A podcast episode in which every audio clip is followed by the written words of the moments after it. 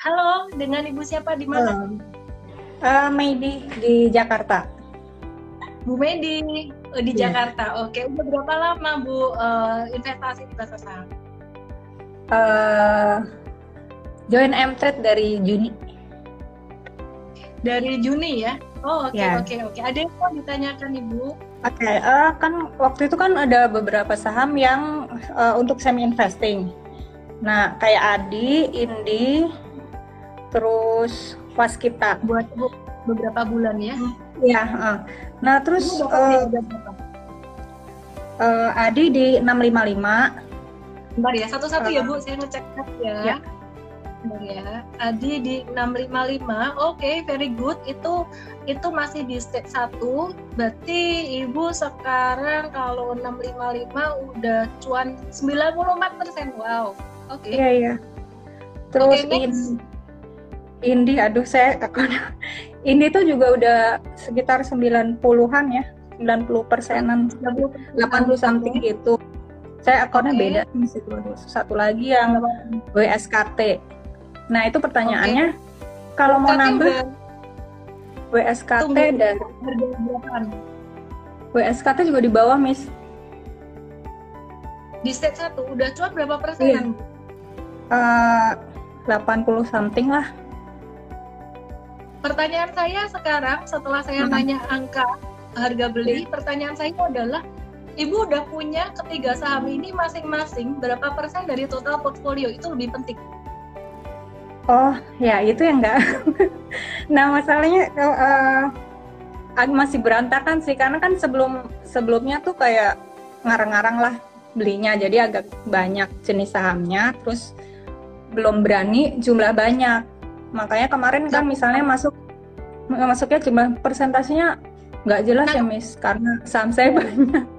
Nah besok tapi pengen nambah kalau pengen nambah bisa nggak? Oke oke, jadi gini karena ibu nggak bisa jawab pertanyaan yang kedua ini, besok ibu mesti buat hmm. satu tabel, buat tabel sendiri ada harga beli, ada uh, lot dan harga pastinya ya dikaliin kan jadi nominal belinya berapa.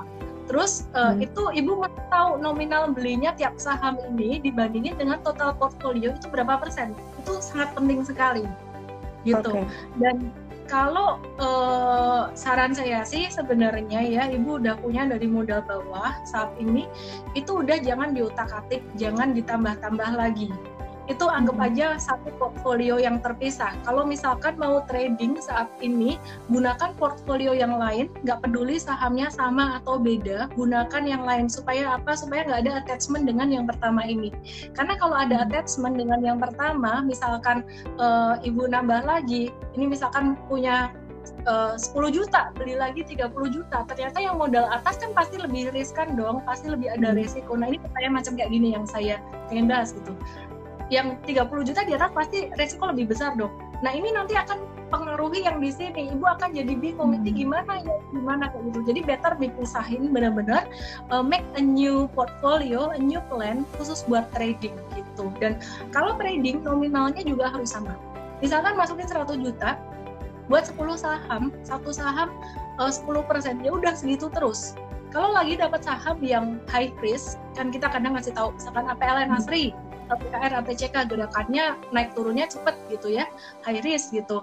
Nah ibu bisa 5% dulu. 5% berapa? Langsung di kepala langsung pop up langsung tahu angkanya udah fix. Jadi kalau misalkan nih kayak BSDE dia gerakannya lebih steady. Kita bilang 10% langsung tahu 10 persennya tuh berapa. Nah itu yang sangat penting banget. Ya jadi jangan uh, dulu mungkin masih belajar. Nah sekarang ya. lembaran yang lembaran portofolio baru gitu. Jadi better uh, bikin portofolio baru dan jangan attach dengan saham-saham yang udah ada gitu. Terus ya, jadi yang semi investing itu meskipun dia turun nggak usah diapa-apain ya, ya diemin aja. Kita kasih okay. tahu kalau aku keluar, saya kasih tahu. Saya juga sama kayak ibu portofolio saya kayak gitu.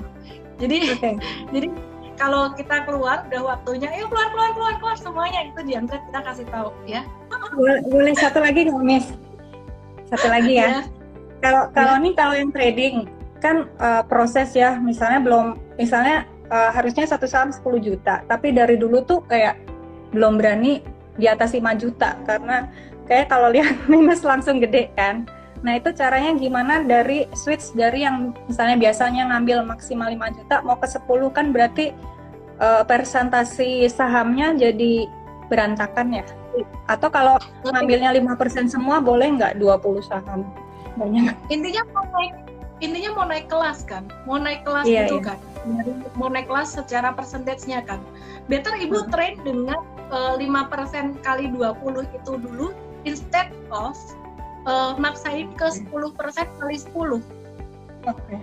Jadi itu akan melatih jadi 5% kali 20 itu akan memberikan ruang buat mental ibu untuk bisa uh, oke okay terhadap kesalahan to embrace mistakes and it's very important kalau kita bisa embrace mistakes gitu untuk bisa uh, explore bisa maju semakin bagus lagi ke depan karena kalau kita takut salah itu udah pasti pengambilan keputusan jadi nggak bijaksana gitu oke okay. Terima kasih, Miss. 20 saham, pada teriak 20 saham kalau ngikutin M-Trend, ada petunjuknya.